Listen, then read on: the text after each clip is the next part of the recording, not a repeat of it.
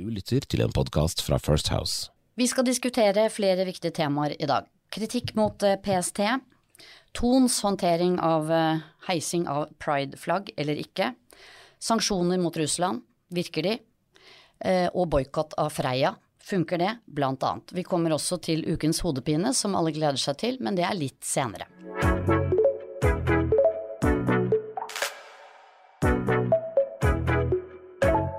Velkommen til eh, Skjæringspunktet. Dette er podkasten fra First House hvor vi tar opp saker nettopp i skjæringspunktet mellom næringsliv og politikk. Mitt navn er Cecilie Ditlev Simonsen, og jeg har med meg to partnerkollegaer. Det er Jon Georg Dale Hei, hei. og Sigbjørn Aanes. Hei.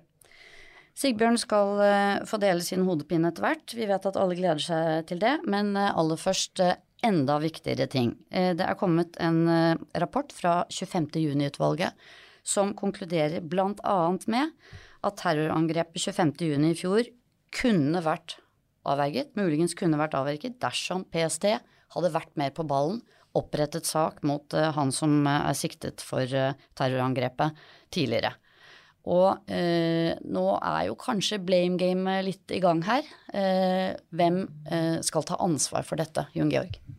Ja, det er jo vanskelig, fordi dette er jo tragiske hendelser. Det er klart at når, når en får avdekt så alvorlige ting som dette utvalget nå konkluderer med, det kunne ha vært uh, forhindra. Så det er klart at det der, der er noen menneskelige sider i det, eh, og da starter jo ofte jakta på syndebukker. Og det syns jeg for så vidt ikke er en veldig eh, fruktbar diskusjon.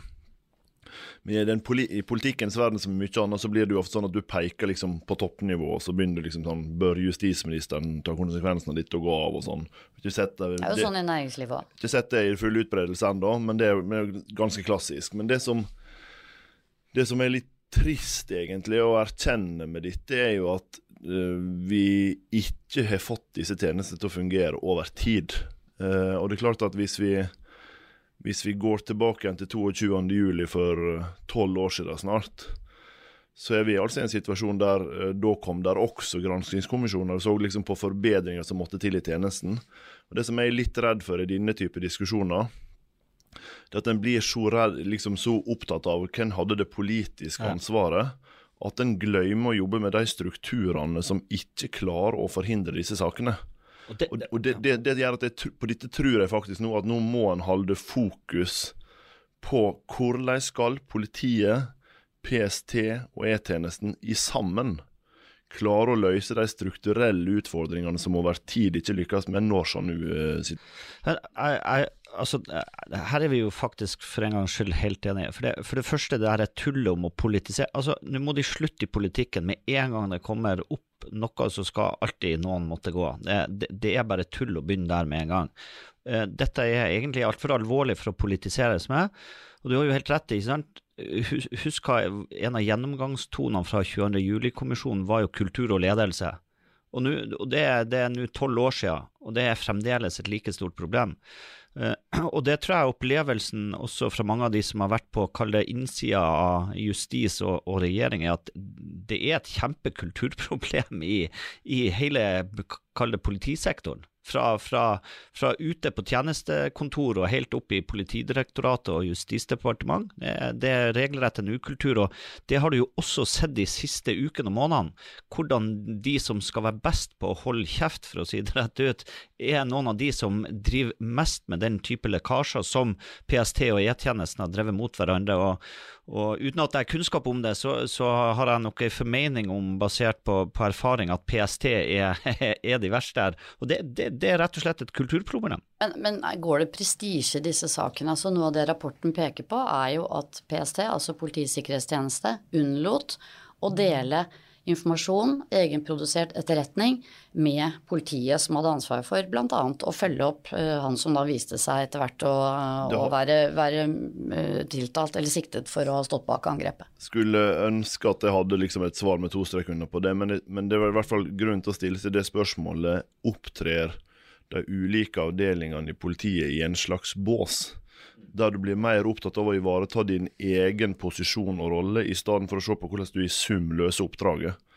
Det, det har ikke jeg svar på. Det, Uh, Det, det syns jeg skal ha respekt for også, men, men, jeg tror det er en fornuftig diskusjon i lys av de hendelsene vi hadde i fjor. Men det var jo litt av de samme diskusjonene som, som kom etter 22.07. Ja, og, og, og, og, da må vi tilbake til Det er en fruktbar diskusjon, men så må det skje noe. Og klart at det som er utfordringa i en sånn kontekst, der du bare peker på liksom, nå må politikerne ta ansvar Politikerne har alltid ansvar, det skal jeg ta men vi må se en forbedring på disse tjenestene over tid. For Hvis ikke så kan vi sitte i denne tragiske situasjonen også om 10 og 15 år igjen og oppleve det samme på nytt. Og da er, da er kjerna at til sjuende og sist så er det sånn at det er noen som har ansvar. Det må en ta.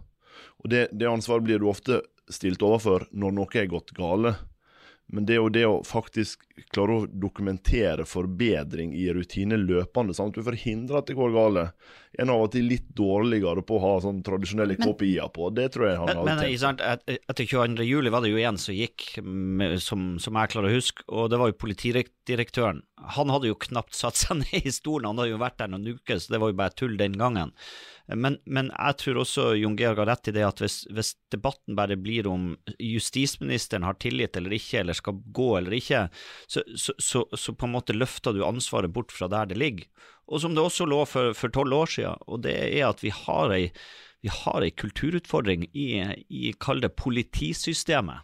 Uh, og den, den, den, trengs å ryddes opp i. Men når dere snakker om at eh, det er viktig at ikke denne saken blir politisert. Hvilke politikere er det dere mener har tråkket feil i debatten etter at rapporten uh, ble lagt frem? Nei, Det ligger jo ikke til oss å drive og henge ut folk, men Jo, det gjør altså, jeg. gjør det gjerne, men jeg kommer ikke på. men, men, men uh, nå har vi jo sett diskusjon om Stortinget skal utvide sesjonen for å liksom Snakk om tull! Nå, nå, skal liksom, nå skal justisministeren til Stortinget og redegjøre på onsdag. Det er veld, veldig vanlig. Men det er jo ikke sånn at det uh, Emilie Enger Mehl som har ansvar for denne situasjonen konkret. Altså Det er åpenbart at dette ansvaret ligger i politiet, og det er det som er poenget her da må en adressere det ansvaret der det faktisk ligger, og der det operasjonelle ansvaret ligger, der ansvaret for vurderingene ligger, og, og ikke at det er en politisk ja, og jeg må bare si, bare, bare legg også merke til én ting, fordi at, fordi at og det, det, er egentlig relatert til dette, fordi at i det øyeblikket du har også politikere i Justisdepartementet som begynte å, begynne å plukke bort i politiet og for den del PST, så kan dere ta dere faen på at det kommer masse lekkasjer fra innsida av departementet og politiet og PST mot de politikerne den statsråden. at dette, dette, ønsker de, dette ønsker de ikke at noen De vil være i fred. Bare, bare vent og se. Det kommer, å, det, det kommer, til å, skje i det øyeblikket noen virkelig begynner å, å, ta tak i disse. Så kommer det også For da, da kommer de til å begynne med lekkasjer som, som skal kvitte seg med det. Jeg husker en av, en av de da, Jon Georg, dere hadde jo Jeg husker ikke hvor mange, 5-15 statsråder i Justisdepartementet. men, men jeg husker det var, det var et konkret tilfelle hvor, at vi, hvor lekkasjene fra embetsnivået i Justisdepartementet de skjedde så raskt at de skjedde til og med på notat som ikke hadde nådd politikerne ennå. Altså, dette er, dette er en kultur som er eh, ikke spesielt bra, og, og, og jeg tipper også at i det øyeblikket politi og PST opplever politikere som bryr seg for mye, så kommer de også til å begynne med lekkasjer mot dem. Ja, dette skal vi følge med på, men vi er altså inne i uh, juni, og det er pride-måneden. Uh, og det er naturlig også å komme inn på uh, de diskusjonene som har vært etter at hotellkjeden uh, Thon faktisk ga beskjed til sine hoteller rundt om i landet at de skulle ikke heise pride-flagget. Det kom sterke reaksjoner. Og Thon var raskt ute, det må vi jo si, med å beklage situasjonen og si at de hadde undervurdert kraften og engasjementet som ligger i dette, og, og tillot da hotellene sine, eller kanskje oppfordret dem også faktisk, til å, å heise pride-flagget.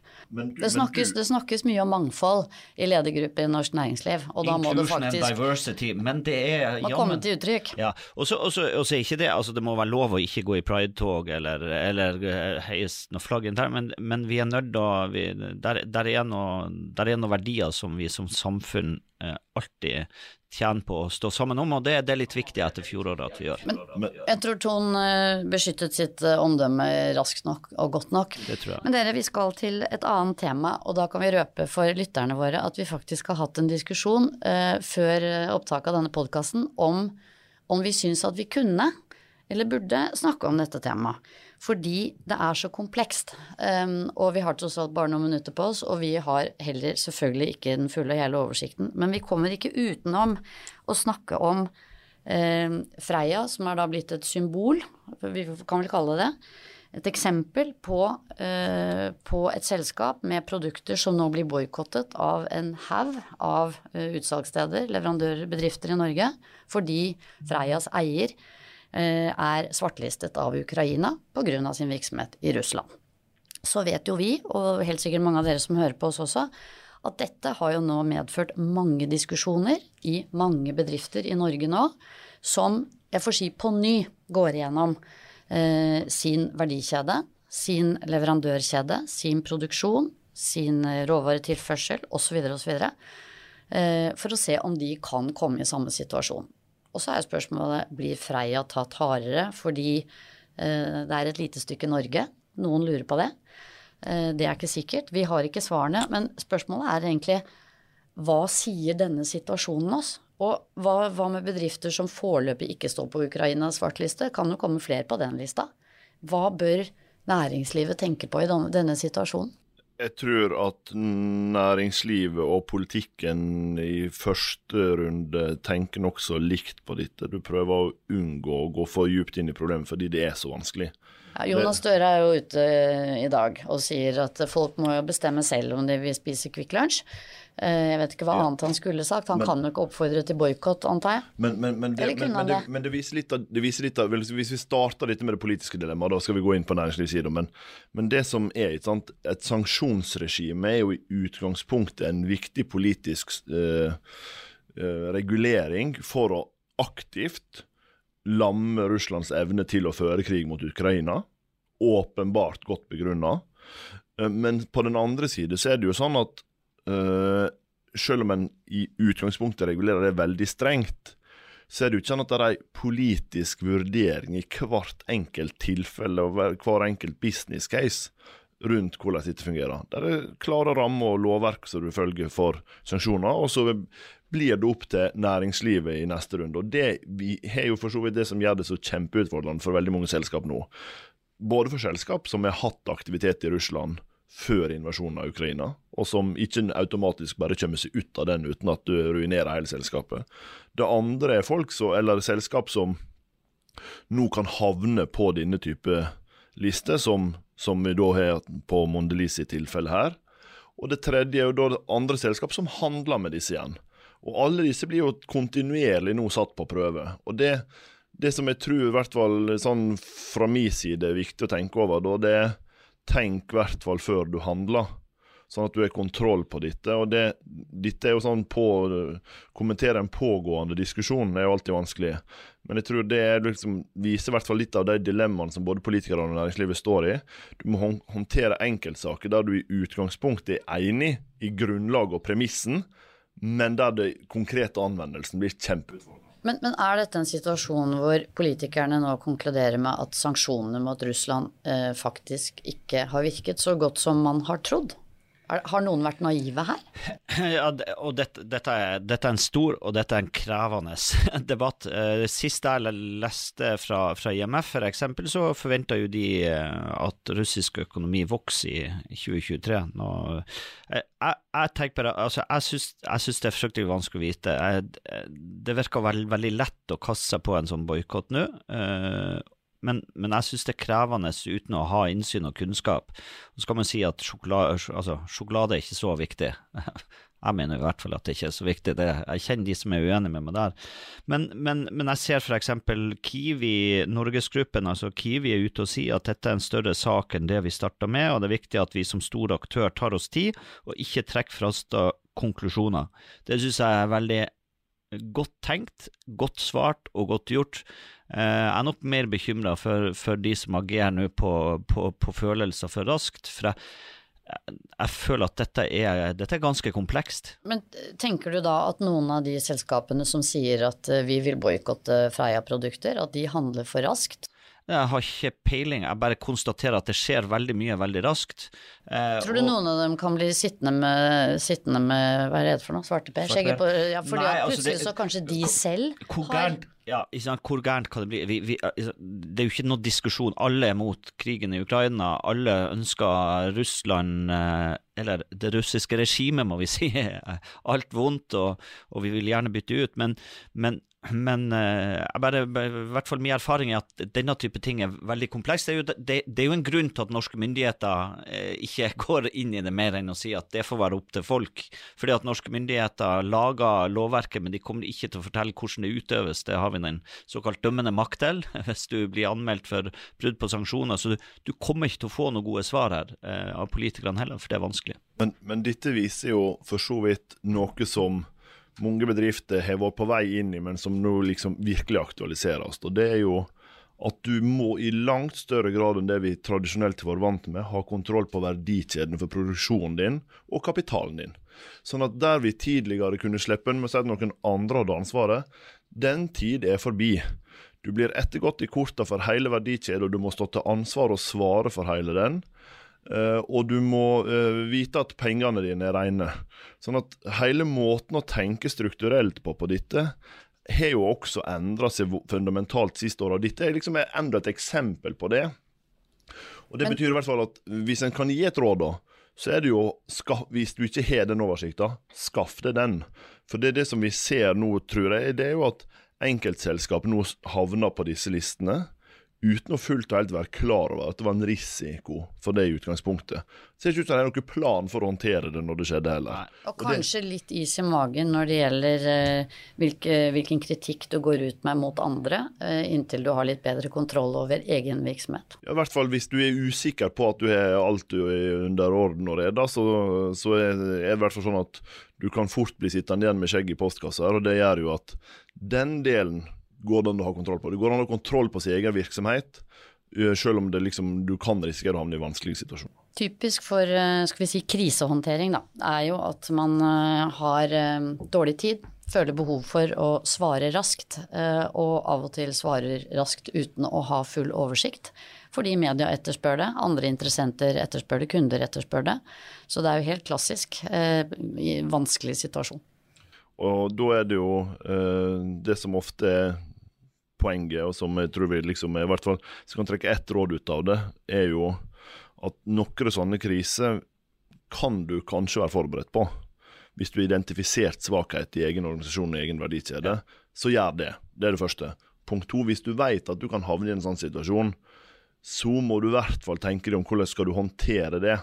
Sånn at du ikke plutselig står i en situasjon der alle andre begynner å snakke om bedrifter di eller virksomheter di eller lignende, uten at du sjøl er forberedt på å ta del i diskusjonen, for da havner du på men, galeien. Men Sigbjørn, ville du, hvis uh, du hadde en uh, kunde, da, en oppdragsgiver, som, som, var midt i dette dilemmaet nå, ville du rådet bedriften til å liksom, proaktivt gått ut og snakket om dilemmaet? Jeg syns det er veldig vanskelig å vite. Det er derfor jeg kan godt hende jeg kjemper for eh, det som skjer mot Freya Mondelez nå. Jeg bare jeg bare tenker at det, dette er komplisert. Uh, sånn at det er Jeg syns rett og slett det er vanskelig å Det er sjelden å høre deg så usikker, ja, egentlig. Ja, nu, dette er min ydmyke side, den kommer ikke ofte til syne.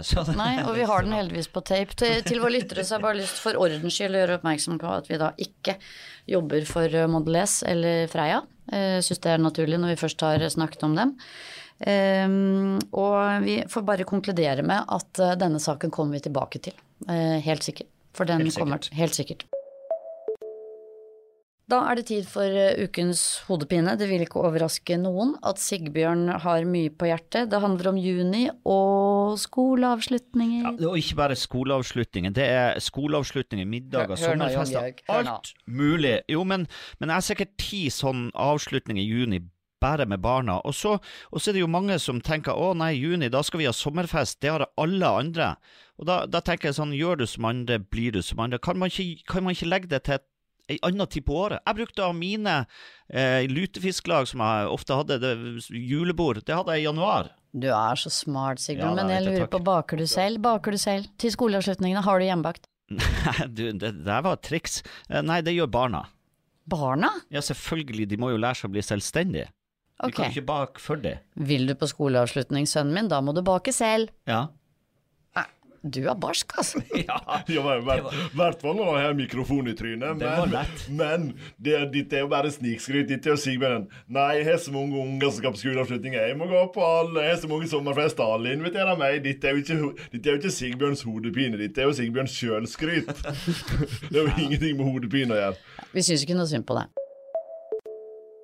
Så skal vi eh, runde av dere med noen ord om politisk kalender. Hva skjer fremover? Eh, Denne uken så eh, vedtar Stortinget revidert nasjonalbudsjett. Det skal brukes 60 milliarder kroner mer enn det som var tenkt i dette budsjettet. Og LO og NHO leverer sin hydrogenstrategi også denne uken. Eh, Eierskapskonferansen skjer også denne uken. På selveste sankthansaften, 23.6, så skal regjeringen ha sin halvårlige pressekonferanse. Det pleier vel å bli en del skryt. Hva blir eh, hovedsakene, tror du, Jon Georg? Ja, det blir eh, naturlig sjølskryt, som enhver regjering ville ha gjort på en sånn pressekonferanse. Så tipper jeg at Jonas Gahr Støre må for, må forklare litt om skattediskusjonen som vi har hatt det siste halvåret, og ikke minst slå et slag for økt satsing på ny fornybar energi, som eh, de er opptatt av å løfte nå. Og så tror jeg det siste temaet kommer til å være en fortsettelse på det, den diskusjonen som eh, Støre har hatt med Jan Petter Schissner og Øystein Streisbetalen om grunnlaget for eh, investeringer i Norge. Fordi de finanskara der har jo da spådd investorflukt fra Norge Ja, og, av regjeringens politikk. og det eh, finnes sikkert mange gode grunner til, men det er jo en genial eh, opptreden av Jonas Gahr Støre å, å slå dette tilbake igjen. Eh, er perfekt Hvorfor det? fiende. Jo, fordi at de, dette er god indremedisin i fagbevegelsen, Arbeiderpartiet og på venstresida. Fordi at disse, er, disse blir også så drøy. Altså, det- nå snakker vi om finansgutta.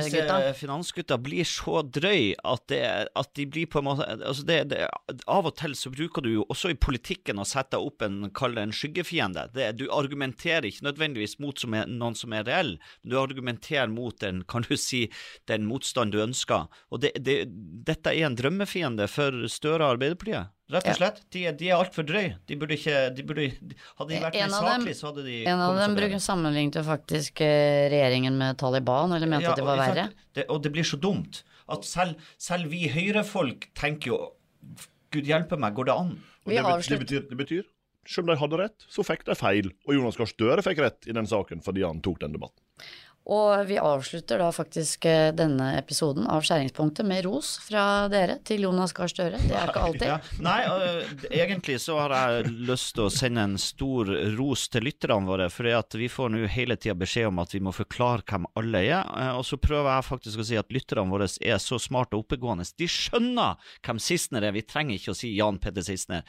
De skjønner hvem olje- og energiministeren er, vi trenger ikke å si Sigbjørn, Terje Lien Aasland. Sigbjørn vi er okay. ferdig med uh, Vi, har, hodepinen din vi andre har egentlig gått inn for landing. Dere, tusen takk for at dere lytter til Skjæringspunktet. Del oss gjerne med andre. Takk for i dag.